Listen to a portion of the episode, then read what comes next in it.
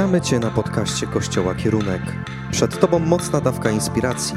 Wierzymy, że nasze treści zachęcą Cię do tego, by jeszcze bardziej kochać Boga, ludzi i życie.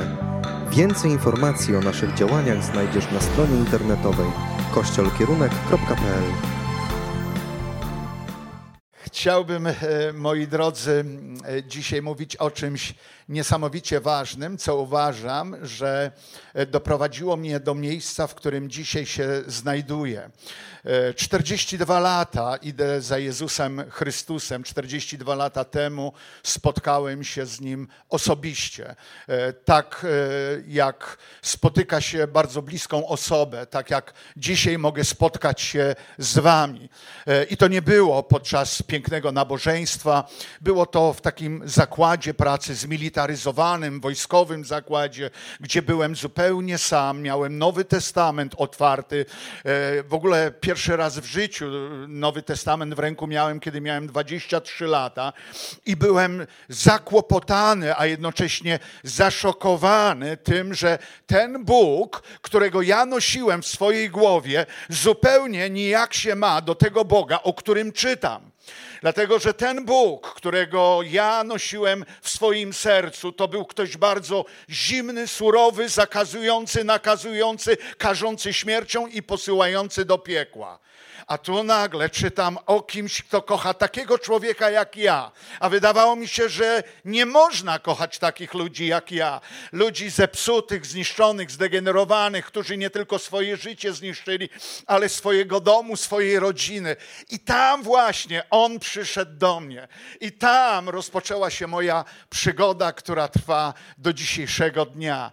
Pamiętam tego samego dnia, niczego więcej nie chciałem zrobić, jak podzielić się z innymi tym wydarzeniem spotkania z Jezusem Chrystusem. I niczego więcej nie chciałem, jak coraz lepiej Go poznawać. Poznawać tego, który dał mi nowe życie, który przebaczył całą moją przeszłość, który dał mi piękną teraźniejszość i przyszłość.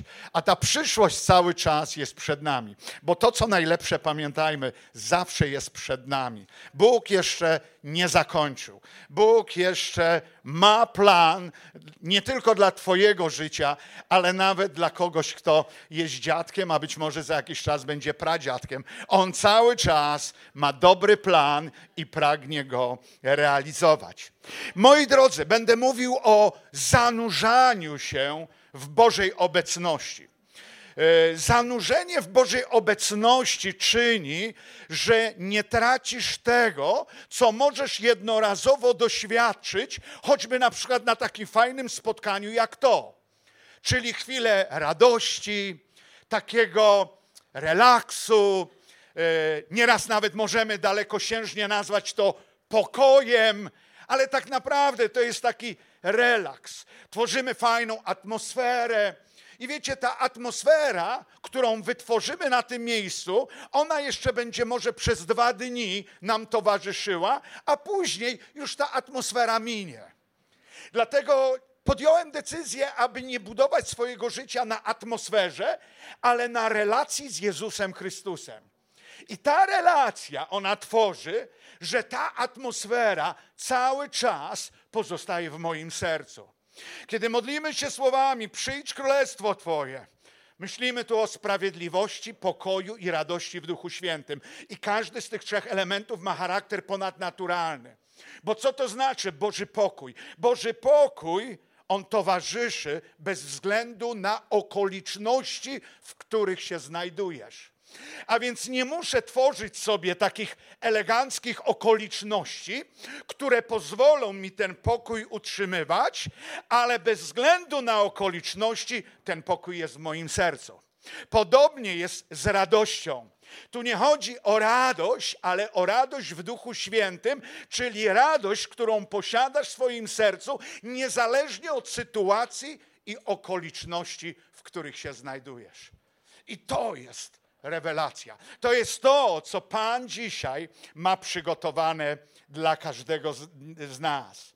A więc pragnę mówić o nasiąkaniu Bożą obecnością. Pamiętajmy, że nasiąkamy tym, w czym wcześniej zostaliśmy zanurzeni. Bóg mówi, byśmy nie mieli serc kamiennych, bo kamień nie nasiąka.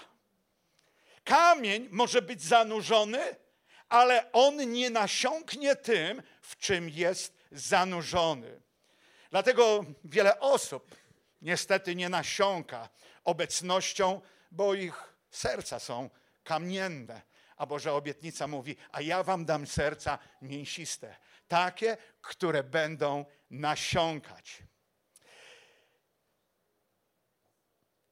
Chciałbym podzielić się takim, taką krótką, krótkim doświadczeniem, który, które to doświadczenie miałem z 12 na 13 września. Zapisałem sobie tę datę, dlatego że rzadko budzę się w nocy, a trzy razy zostałem obudzony jednej nocy. Obudziły mnie słowa, które dosłownie wybrzmiewały w moich uszach, a te słowa brzmiały tak. Jana 14:3. Jana 14:3. Wiecie, szybko w myślach pomyślałem, co jest tam napisane, i tak nie mogłem za bardzo załapać. Ale wiecie, nie chciało mi się sięgać po Biblię, więc zasnąłem. Ale po krótkim czasie znów te słowa Jana 14:3 mnie obudziły. I te słowa obudziły mnie po raz kolejny nad ranem i wtedy postanowiłem wziąć Biblię, otworzyć Ewangelię Jana, 14 rozdział i trzeci werset i przeczytałem sobie ten fragment. A ten fragment są to słowa, które wypowiada Jezus Chrystus, który mówi tak: A gdy pójdę, mówi o swoim odejściu do nieba, w niebo wstąpieniu. A gdy pójdę i przygotuję wam miejsce, przyjdę znowu i wezmę was do siebie, abyście i wy byli tam, gdzie ja jestem. A więc idę, przygotuję wam miejsce, a gdy przygotuję, przyjdę po was, aby zabrać was do siebie, byście byli tam, gdzie ja jestem. To jest ostatecznie cel mojej wiary. Ja nie żyję po to, żeby coś osiągnąć wielkiego tu na tej ziemi, ale żeby znaleźć się w domu Ojca, który przygotowywany jest przez Jezusa Chrystusa. Powtórne przyjście Chrystusa, nazwane też Dniem Pańskim, paruzją, jest bliżej niż myślimy. Nie pozwólmy, by ten dzień, dzień przyjścia Pańskiego, kogokolwiek z nas zaskoczył. To może przyjść tak nagle i niespodziewanie. Biblia wręcz używa takiego zwrotu, że ten dzień będzie jak złodziej nocą, który przychodzi, kiedy nikt się kompletnie jego nie spodziewa. Przyjdzie bardziej niespodziewanie niż pandemia, której przecież nikt się w ogóle nie spodziewał, że coś takiego może mieć miejsce na całym świecie. Albo jak w przypowieści, którą Pan Jezus skieruje do swoich uczniów, pamiętamy o dziesięciu pannach, które wzięły swoje, wzięły swoje lampy i wyszły na spotkanie Pana młodego. Kiedy Pan młody zwlekał z przyjściem, panny w końcu uległy zmęczeniu i wszystkie zapadły w sen. I czytamy, że w środku nocy obudził je krzyk. Pan młody idzie, wyjdźcie na spotkanie. Panny się ocknęły, wzięły do rąk lampy, ale niestety połowa z nich nie miała w lampach oliwy. Pamiętajmy, oliwa jest symbolem Ducha Świętego. Gdy więc udały się na zakupy, zjawił się Pan Młody. Panny, które były gotowe, to te, które w lampach miały oliwę, weszły z nim na wesele i drzwi zostały zamknięte. Potem zaś nadeszły pozostałe panny, czytamy, które wołają: Panie, Panie, otwórz nam, prosimy. Lecz on im powiedział: Zapewniam, że was nie znam. I ostatni werset, bardzo ważny. Czuwajcie więc, bo nie znacie dnia ani godziny. Czuwajcie, bo nie znacie dnia ani godziny. Nie tylko nie znamy dnia ani godziny przyjścia Jezusa Chrystusa po Kościół, ale nie znamy też dnia ani godziny naszego odejścia do Niego. Więc tak jak na każdym potrzebie, na pogrzebie, tak i dziś chciałbym powiedzieć, nie myśl o tym kiedy, ale odpowiedz sobie, czy jesteś gotowy. Bo to nie jest naprawdę ważne, kiedy Pan Jezus przyjdzie, i nie jest to ważne, kiedy ty odejdziesz, może w naturalny sposób, ale ważne jest, czy jesteś gotowy. Czy jestem gotowy? Słowo Boże mówi w tej przypowieści o przynajmniej dwóch ostrzeżeniach. Pierwsze ostrzeżenie to problem, który dotykał wszystkich, bo wszystkie one zasnęły. Pan młody zwlekał z przyjściem, panny w końcu uległy zmęczeniu i wszystkie zapadły w sen. Dlatego posłuchajmy słów proroka Izajasza i apostoła Pawła z listu do Efezjan. Efea, e, e, Izajasz wzywa, zbudź się, zbudź się, przywdziej moc o ramię Pana. My jesteśmy ramieniem Pana.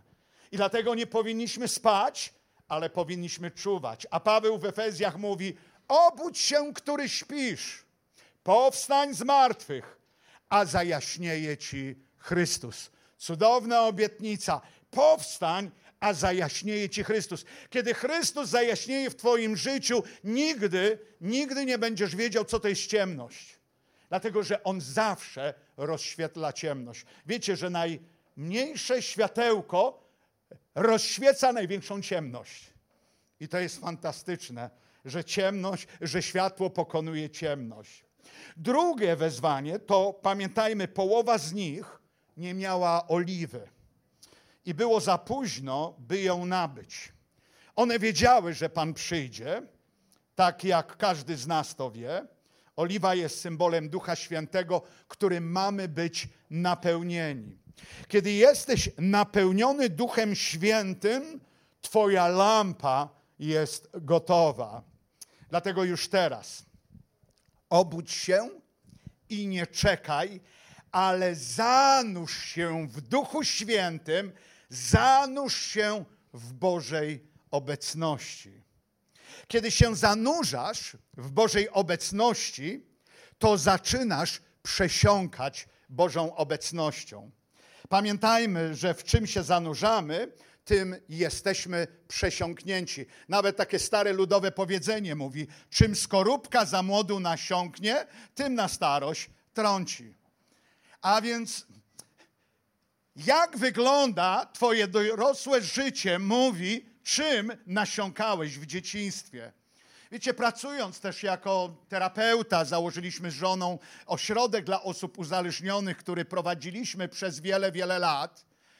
Jesteśmy nieraz zdumieni, że osoby, które wychowały się w domach, gdzie były bardzo poważne problemy i one postanowiły uciec od tych problemów, bardzo często uciekając, wchodziły dokładnie w te same problemy, które były w ich domach. Czym skorupka za młodu nasiąknie, to nawet próbujemy uciec od tego, to jednak później w tym jesteśmy. Chrzest, piękne słowo, które znaczy tyle co zanurzenie. Zanurzenie w duchu to przesiąkanie Bożą obecnością. Przesiąkanie oznacza przyjmowanie, przyswajanie sobie właściwości tego elementu, w którym jest się zanurzonym. To dlatego w dziejach apostolskich czytamy, że w Antiochii po raz pierwszy nazwano uczniów, bo najpierw ci, którzy szli za Jezusem, byli nazwani uczniami. Nie mamy w Ewangeliach, że apostołowie byli chrześcijanami. Oni byli uczniami. To dopiero po Jego śmierci, zmartwychwstaniu, w niebowstąpieniu, zesłaniu Ducha Świętego, kiedy oni szli, głosili Ewangelię, kiedy ludzie przyglądali się ich życiu, wtedy w Antiochii po raz pierwszy nazwano uczniów chrześcijanami. Dlaczego? Bo oni byli przesiąknięci Jezusem. Wow! Oni się zachowują jak Jezus. Wow! Oni mówią jak Jezus. Wow! Oni robią rzeczy, które robił, dokonywał sam Chrystus. Dlatego nazwano ich chrześcijanami, Chrystusowcami, tymi, którzy są tak bardzo podobni do Chrystusa. Oni byli nim przesiąknięci. A Pan Jezus, kiedy czytamy Boże Słowo, był przesiąknięty obecnością swojego niebiańskiego Ojca. Był przesiąknięty Duchem Świętym. W Ewangelii Jana w 14 rozdziale od 7 do 11 wersetu Pan Jezus mówi tak: Skoro mnie znacie, poznacie i mojego Ojca. Od teraz e, go znacie i zobaczyliście go. Wtedy Filip wtrącił: Panie, pokaż nam Ojca, a to nam wystarczy. Jezus odpowiedział: Tyle czasu jestem z wami i jeszcze mnie nie poznałeś, Filipie? Kto mnie zobaczył, zobaczył Ojca. Jak możesz mówić, pokaż nam Ojca? Czy nie wiesz, że ja jestem w Ojcu, a Ojciec we mnie? Słów, które do Was kieruję, nie wypowiadam od siebie. To Ojciec, który jest obecny we mnie, dokonuje swoich dzieł. Wierzcie mi, że ja jestem w Ojcu, a Ojciec we mnie. To jest relacja syna z ojcem. Relacja kochającego syna z kochającym ojcem. Jeżeli nie kochasz, to szybko tę relację zaniedbasz. A zaniedbanie będziesz starać się usprawiedliwiać brakiem czasu, pracą, studiami, wychowaniem dzieci. Wiecie, mamy tyle różnego rodzaju powodów, żeby usprawiedliwiać ten brak relacji. Ale kiedy kochasz, to wtedy Twoje priorytety się zmieniają. Osobie, którą kochasz, jesteś w stanie poświęcić swój najlepszy czas. I patrzę tu na młodych ludzi, którzy wchodzą w relacje, że na pewno się ze mną zgadzają i mogą powiedzieć na to głośno amen. amen. Tak. Bo kiedy kocham, to chcę z tą osobą być. Kiedy kocham, to nawet nie muszę jej słyszeć, wystarczy, że ją widzę. Wiecie, ja bardzo kocham moją żonę. Ja bardzo ją kocham. Nieraz rozmawiamy z sobą i mówimy, ciekawe, czy inni w naszym wieku też są tak zwariowani jak my. Wiecie, to jest skutek miłości. Przebywanie sobą daje nam wielką radość. Ona w ogóle się nie zmienia, to jest cały czas ta sama dziewczyna, którą pierwszy raz zobaczyłem, kiedy miała 18 lat. Pamiętam, stałem na warcie wojsku, a ona wysiadała naprzeciw e, na ulicy z e, autobusu i mówię: Wow, ale fajna laska. To się wytnie. Ale tak było. Wiecie, i zacząłem o niej myśleć. Później przyszło rozczarowanie, kiedy.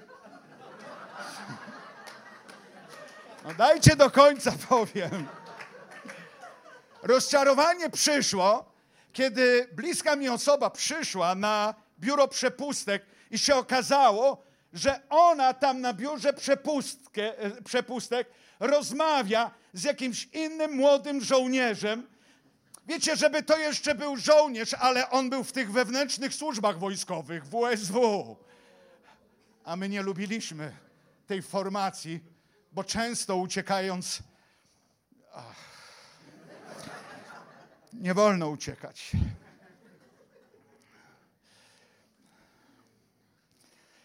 To, jak gospodarzysz swoim czasem, zawsze będzie pokazywać, co czy kto dla ciebie jest najważniejszy.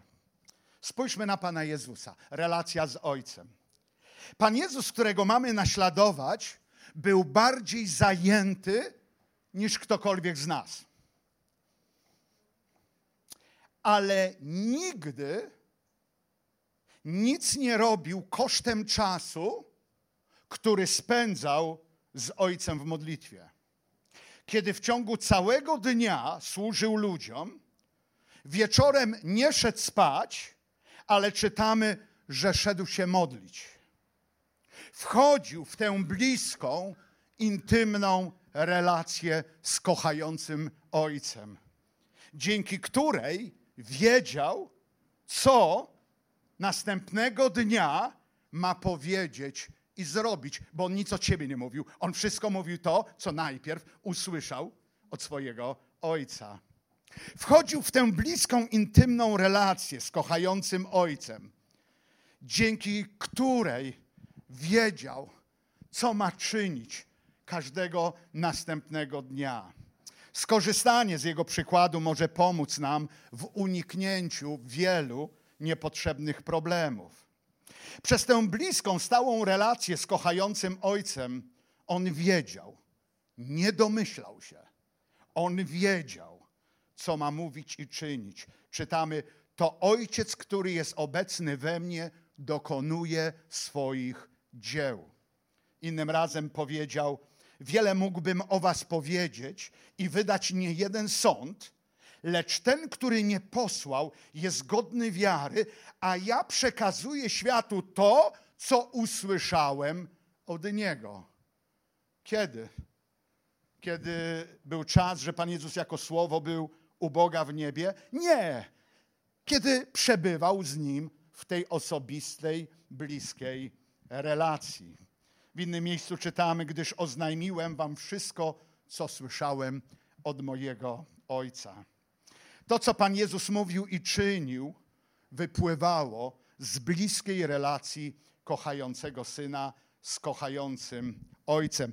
I do takiej bliskiej relacji wzywa nas Pan Jezus. Do bliskiej, stałej, osobistej relacji z Ojcem, z Nim samym i z Duchem Świętym. Dlatego zacznij zanurzać się w Bożej obecności, nasiąkać Bożą obecnością. Obecnością Ojca, Syna i Ducha Świętego.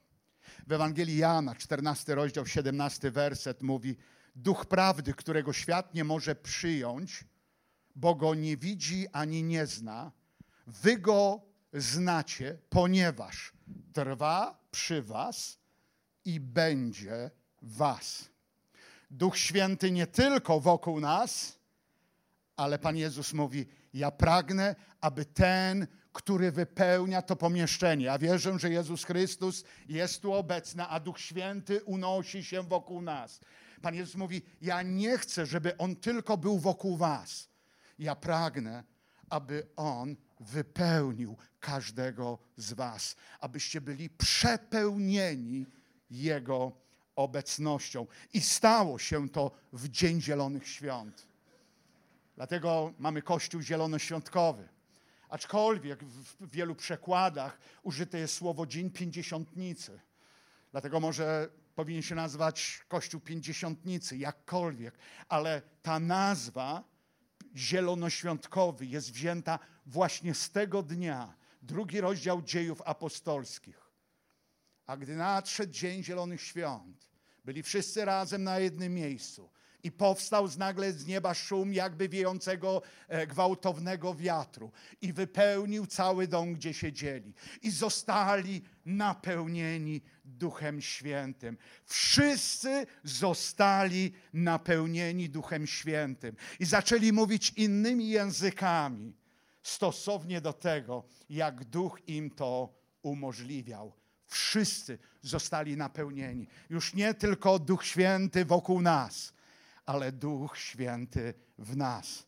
Kiedy On nas prowadzi, nie będziesz musiał obawiać się, że znajdzie się w niewłaściwym miejscu. Bo wiecie, my nieraz lubimy mówić słowa, Pan mnie prowadzi. Ja pamiętam, prowadząc ośrodek, był taki czas, że przyjmowałem osoby do ośrodka. I wśród ludzi, którzy potrzebowali pomocy, były też upadłe anioły. Wiecie, upadłe anioły to są dzieci Boże, które z powodu różnych sytuacji uzależniły się albo wróciły do uzależnienia, z którego wcześniej zostały wyrwane. Oni na ogół wszystko wiedzą. Im się wydaje, że teraz wystarczy, że się pomodlą i już będzie wszystko załatwione. Wierzcie mi, z opadłymi aniołami bardzo się ciężko pracuje. I pamiętam, kiedy pewien taki człowiek przyjechał do środka, usiadł przy mnie, oczywiście poprawnie się przywitał, chwała Bogu, pastorze.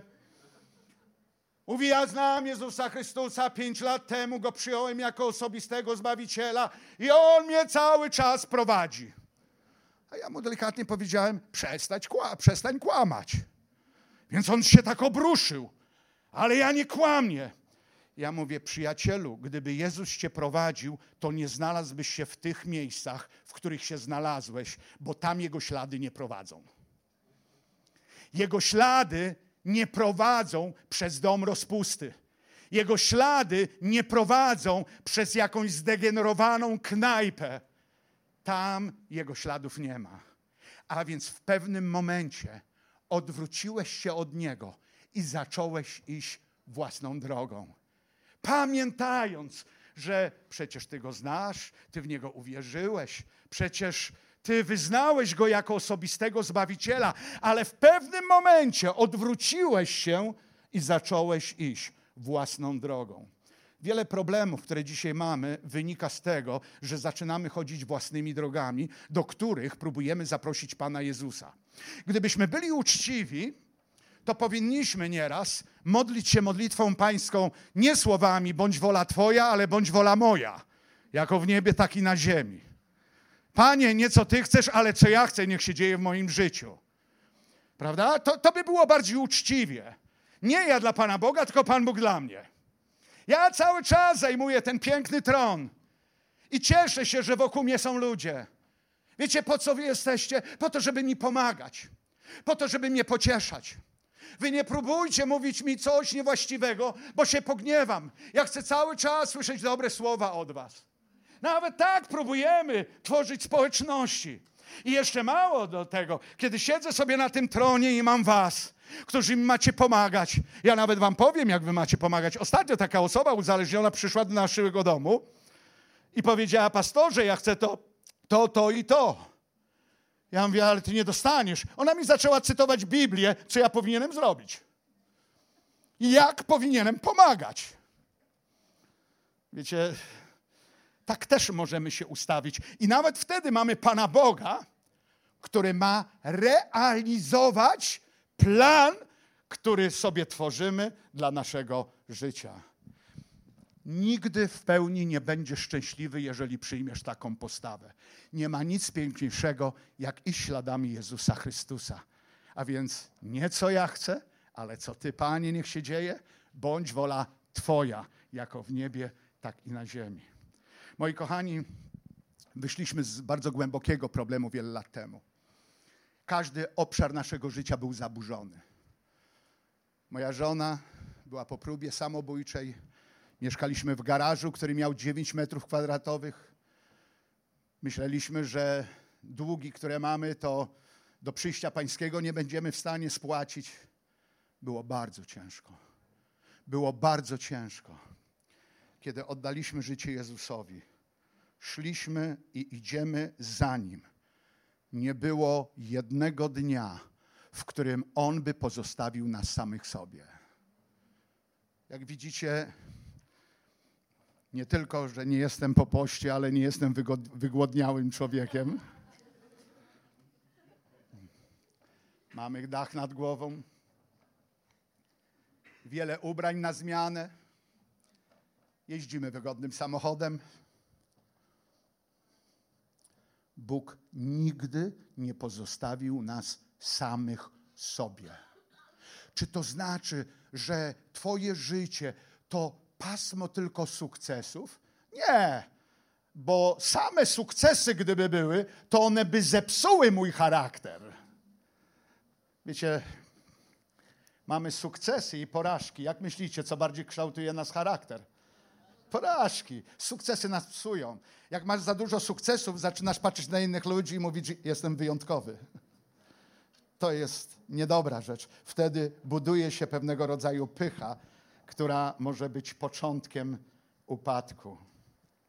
Chrystus we mnie, a ja w Chrystusie. Do takiej relacji zaprasza Pan Jezus. I pięknie to mówi w przypowieści o krzewie winnym. Czytamy tam w Ewangelii Jana 15 rozdziale. Przede wszystkim, Pan Jezus mówi, przede wszystkim trwajcie we mnie, a ja was. Podobnie jak pęd nie może przynosić owocu sam z siebie, jeśli nie tkwi winorośli, tak i wy, jeśli nie będziecie trwali we mnie. Ja jestem winoroślą, wypędami. Kto trwa we mnie, a ja w nim, ten przynosi obfity owoc, bo beze mnie nie jesteście w stanie nic uczynić. Jeśli ktoś nie trwa we mnie, zostanie wyrzucony jak pęd i uschnie. Takie zbiera się i rzuca w ogień i płoną. Jeśli pozostaniecie we mnie i moje słowa pozostaną was, proście o cokolwiek chcecie, a stanie się wam. Przez to mój ojciec zostanie uwielbiony, byście przynieśli obfity owoc i pokazali się, okazali się moimi uczniami. Jeśli pozostaniecie we mnie i moje słowa pozostaną was. Wczoraj na naszej szkole, mówiąc o uwolnieniach, o tym obszarze, Wspomniałem o pewnej konferencji, na której uczestniczyłem. Była to naukowa konferencja polsko-niemiecka na temat biologicznych, psychologicznych, społecznych i duchowych aspektów uzależnień. Była to, to, to była bardzo taka profesjonalna, naukowa konferencja, ale zostałem poproszony, aby tam mieć wykład na temat duchowych aspektów uzależnień. I, ten, i mój, mój wykład oparłem o historię mojego życia. Nie będę w tej chwili tej historii opowiadał, można znaleźć ją gdzieś na YouTube, e, w całości historię naszego życia e, opowiadam. I pamiętam, kiedy kończyłem już mój wykład, mówiłem: To, kim dzisiaj jestem, nie zawdzięczam tylko i wyłącznie temu duchowemu przeżyciu, spotkania z Jezusem Chrystusem wiele lat temu, ale musiałem w moje życie wprowadzić program, który doprowadził mnie do tego miejsca, w którym dziś się znajduję. I wtedy wziąłem, podniosłem moją papierową Biblię i powiedziałem: Ten program to jest ta książka. Ja niczego więcej nie robię, jak tylko to, co jest tu zapisane, i to działa. I to po prostu działa. To uzdrawia moje osobiste życie, to uzdrawia nasze małżeństwo, to wpływa na naszą rodzinę, także dziś całym domem Panu Bogu możemy służyć. To jest fantastyczne.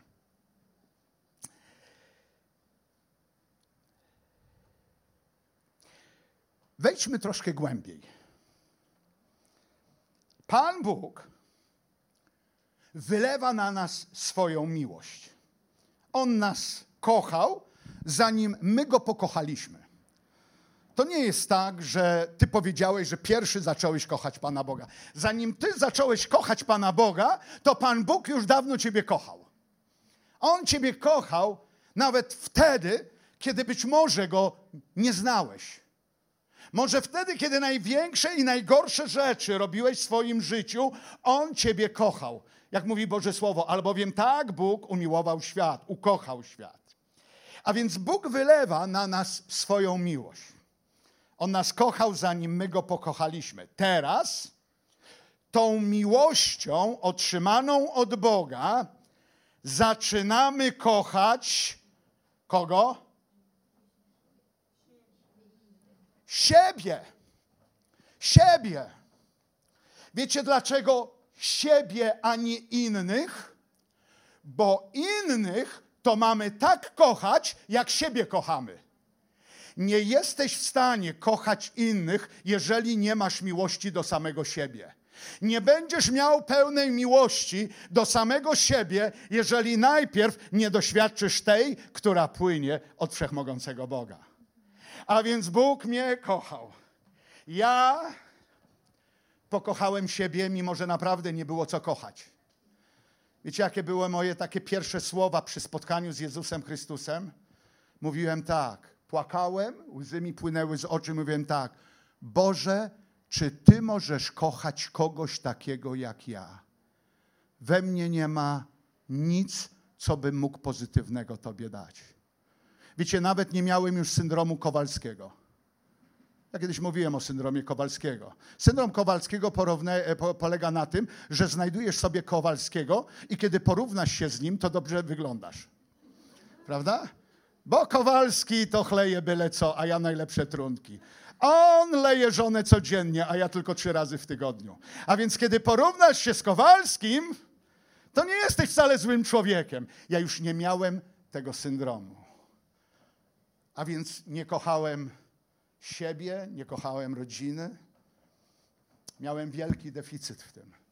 Ale kiedy przyszła Boża miłość, to mogłem tą miłością pokochać siebie i wtedy zacząłem kochać w bardzo też praktyczny sposób, pomagając innych, często bardzo podobnych do tego chłopaka, którym byłem wcześniej.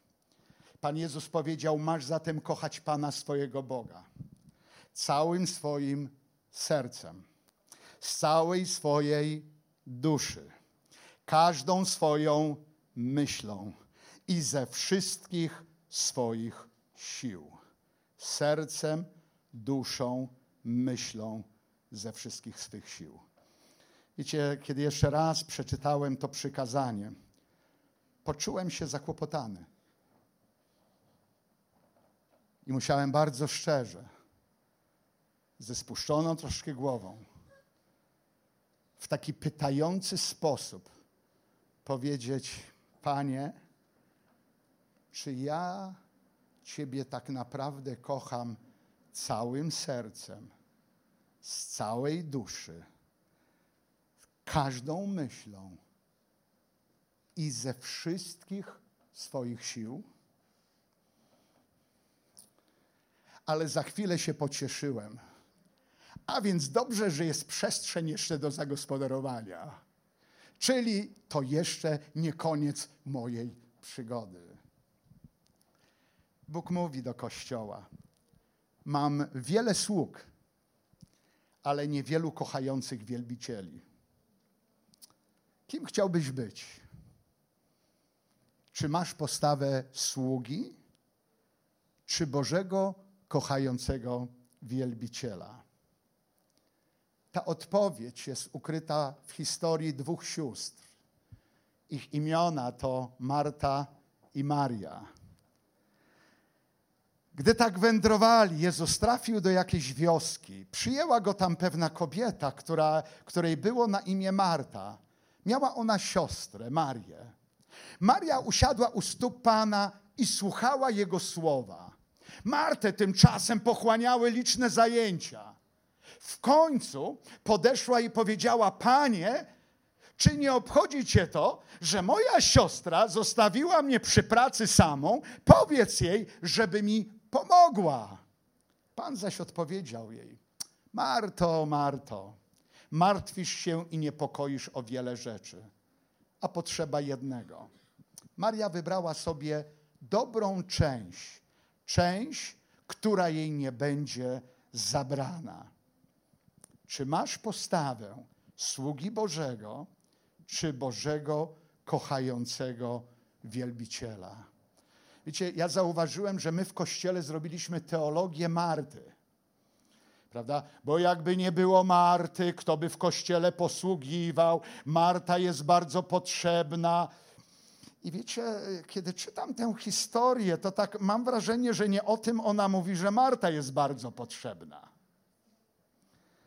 Ta historia pokazuje, że służąc nawet dla Pana Boga, możesz stracić relację z Panem Bogiem. Jestem też ewangelistą. Miałem przywilej głosić na sześciu kontynentach, w kilkudziesięciu krajach, w różnych miejscach. I pamiętam jedną z wizyt w Ameryce Południowej, y, Północnej. Y, dziewięć tygodni trwała. Wow! Wiecie, pod koniec, kiedy budziłem się, musiałem sobie przypomnieć, gdzie ja jestem, bo cały czas zmieniałem miejsca, zmieniałem, e, głosiłem Boże Słowo, nakładałem ręce na ludzi, cieszyłem się widząc, jak ludzie przyjmują Pana Jezusa, jak są uzdrawiani, a później mnie zabierano i pokazywano mi różne rzeczy. Ktoś mi w końcu powiedział, Marek, trzy czwarte Amerykanów nie widziało tyle Ameryki, co Ty zobaczyłeś. To było fantastyczne ale mijał czas i ja wcale nie miałem radości w sercu. Coraz bardziej czułem się taki, wiecie, taki dziwny, taki pusty, taki, no w zasadzie, mówię, któregoś wieczoru stanąłem przy Panu i mówię, Panie, o co chodzi? Skąd się biorą te negatywne emocje? Panie, co jest? I wtedy Pan mi zadał pytanie: Synu, kiedy ostatnio tak osobiście ze mną rozmawiałeś? I powiedziałem, Panie, ale Ty widzisz, ja głoszę, ja opowiadam o Tobie, ja nakładam ręce, ja się modlę, ja jestem w różnych rodzinach, e, porady udzielam tam, gdzie są problemy, widzę takie niesamowite zmiany. Panie, przecież jest super. Super? A kiedy w tym wszystkim spotkałeś się ze mną? Tak, wiecie, tak jak kocham spotykać się z moją żoną. Kiedy ostatni raz? I wtedy zobaczyłem, co jest źródłem tego, co czyni, że tracę radość w sercu. Kiedy przytuliłem się do Pana, kiedy wszedłem w relację, z powrotem to błogosławieństwo spłynęło. I kiedy później bardzo zacny człowiek, zapraszając mnie do swojego wielkiego domu, gdzie wiózł mnie niesamowicie, niesamowicie, takim hamerem mnie wiózł, że jak się pytałem, ile to pali, to on powiedział, jak nie wyłączę silnika, to do pełna nie naleję. Wiecie, to... I on mi mówi, jak Marek ci się Ameryka podoba? Ja mówię, wiesz, ja tylko raz zostałem zaskoczony i już nic nie jest w stanie mnie zaskoczyć, a było to moje osobiste spotkanie z Jezusem Chrystusem. To jest coś niesamowitego. Zachęcam Was do tego. Nasza kultura to kultura pośpiechu. Jesteśmy zabiegani, a jednocześnie coraz bardziej przyzwyczajeni do otrzymywania natychmiast tego, co potrzebujemy. Wymagamy, by wszystko działo się szybko, wręcz natychmiastowo. Jeśli mamy na coś czekać, na przykład w kolejce, to się zaczynamy denerwować. Możemy tak samo podchodzić do Pana Jezusa. Chcemy, by natychmiast rozwiązał nasze problemy, naprawił nasze finanse, uzdrowił emocjonalną traumę i fizyczne dolegliwości. Może słowa Pana Jezusa do Marty są dzisiaj skierowane do Ciebie. Marto, Marto, martwisz się i niepokoisz o wiele rzeczy, a potrzeba Ci jednego. Maria wybrała sobie dobrą część, część, która jej nie będzie zabrana. Dobra część to postawa kochającego wielbiciela. Maria usiadła u stóp Pana i słuchała, jak on do niej mówi. Zachęcam cię, droga siostro, drogi bracie, nie pędź tak, zwolnij, zatrzymaj się. Twoja aktywność, i teraz przepraszam, że to powiem, może tu powiecie, facet przed jakieś dziwne rzeczy opowiada, ale Twoja aktywność nie robi na Bogu wielkiego wrażenia. Co amen, co amen. Wiecie, jak ja się napracowałem? to nie robi na Bogu wielkiego wrażenia. Jak Maria, usiądź u stóp Pana. Wsłuchaj się w to, co On do ciebie mówi. Przytul się do Niego. Zanurz się w Jego obecności. nasiąkaj Jego obecnością. Jezus powiedział, jest napisane, człowiekowi do życia potrzebny jest nie tylko chleb. Ważne, ale nie tylko. To jest przyczyna zabiegania Marty. Ma on się też posilać każdym słowem pochodzącym z ust Boga. Za chwilę będziemy się modlić. Poproszę zespół.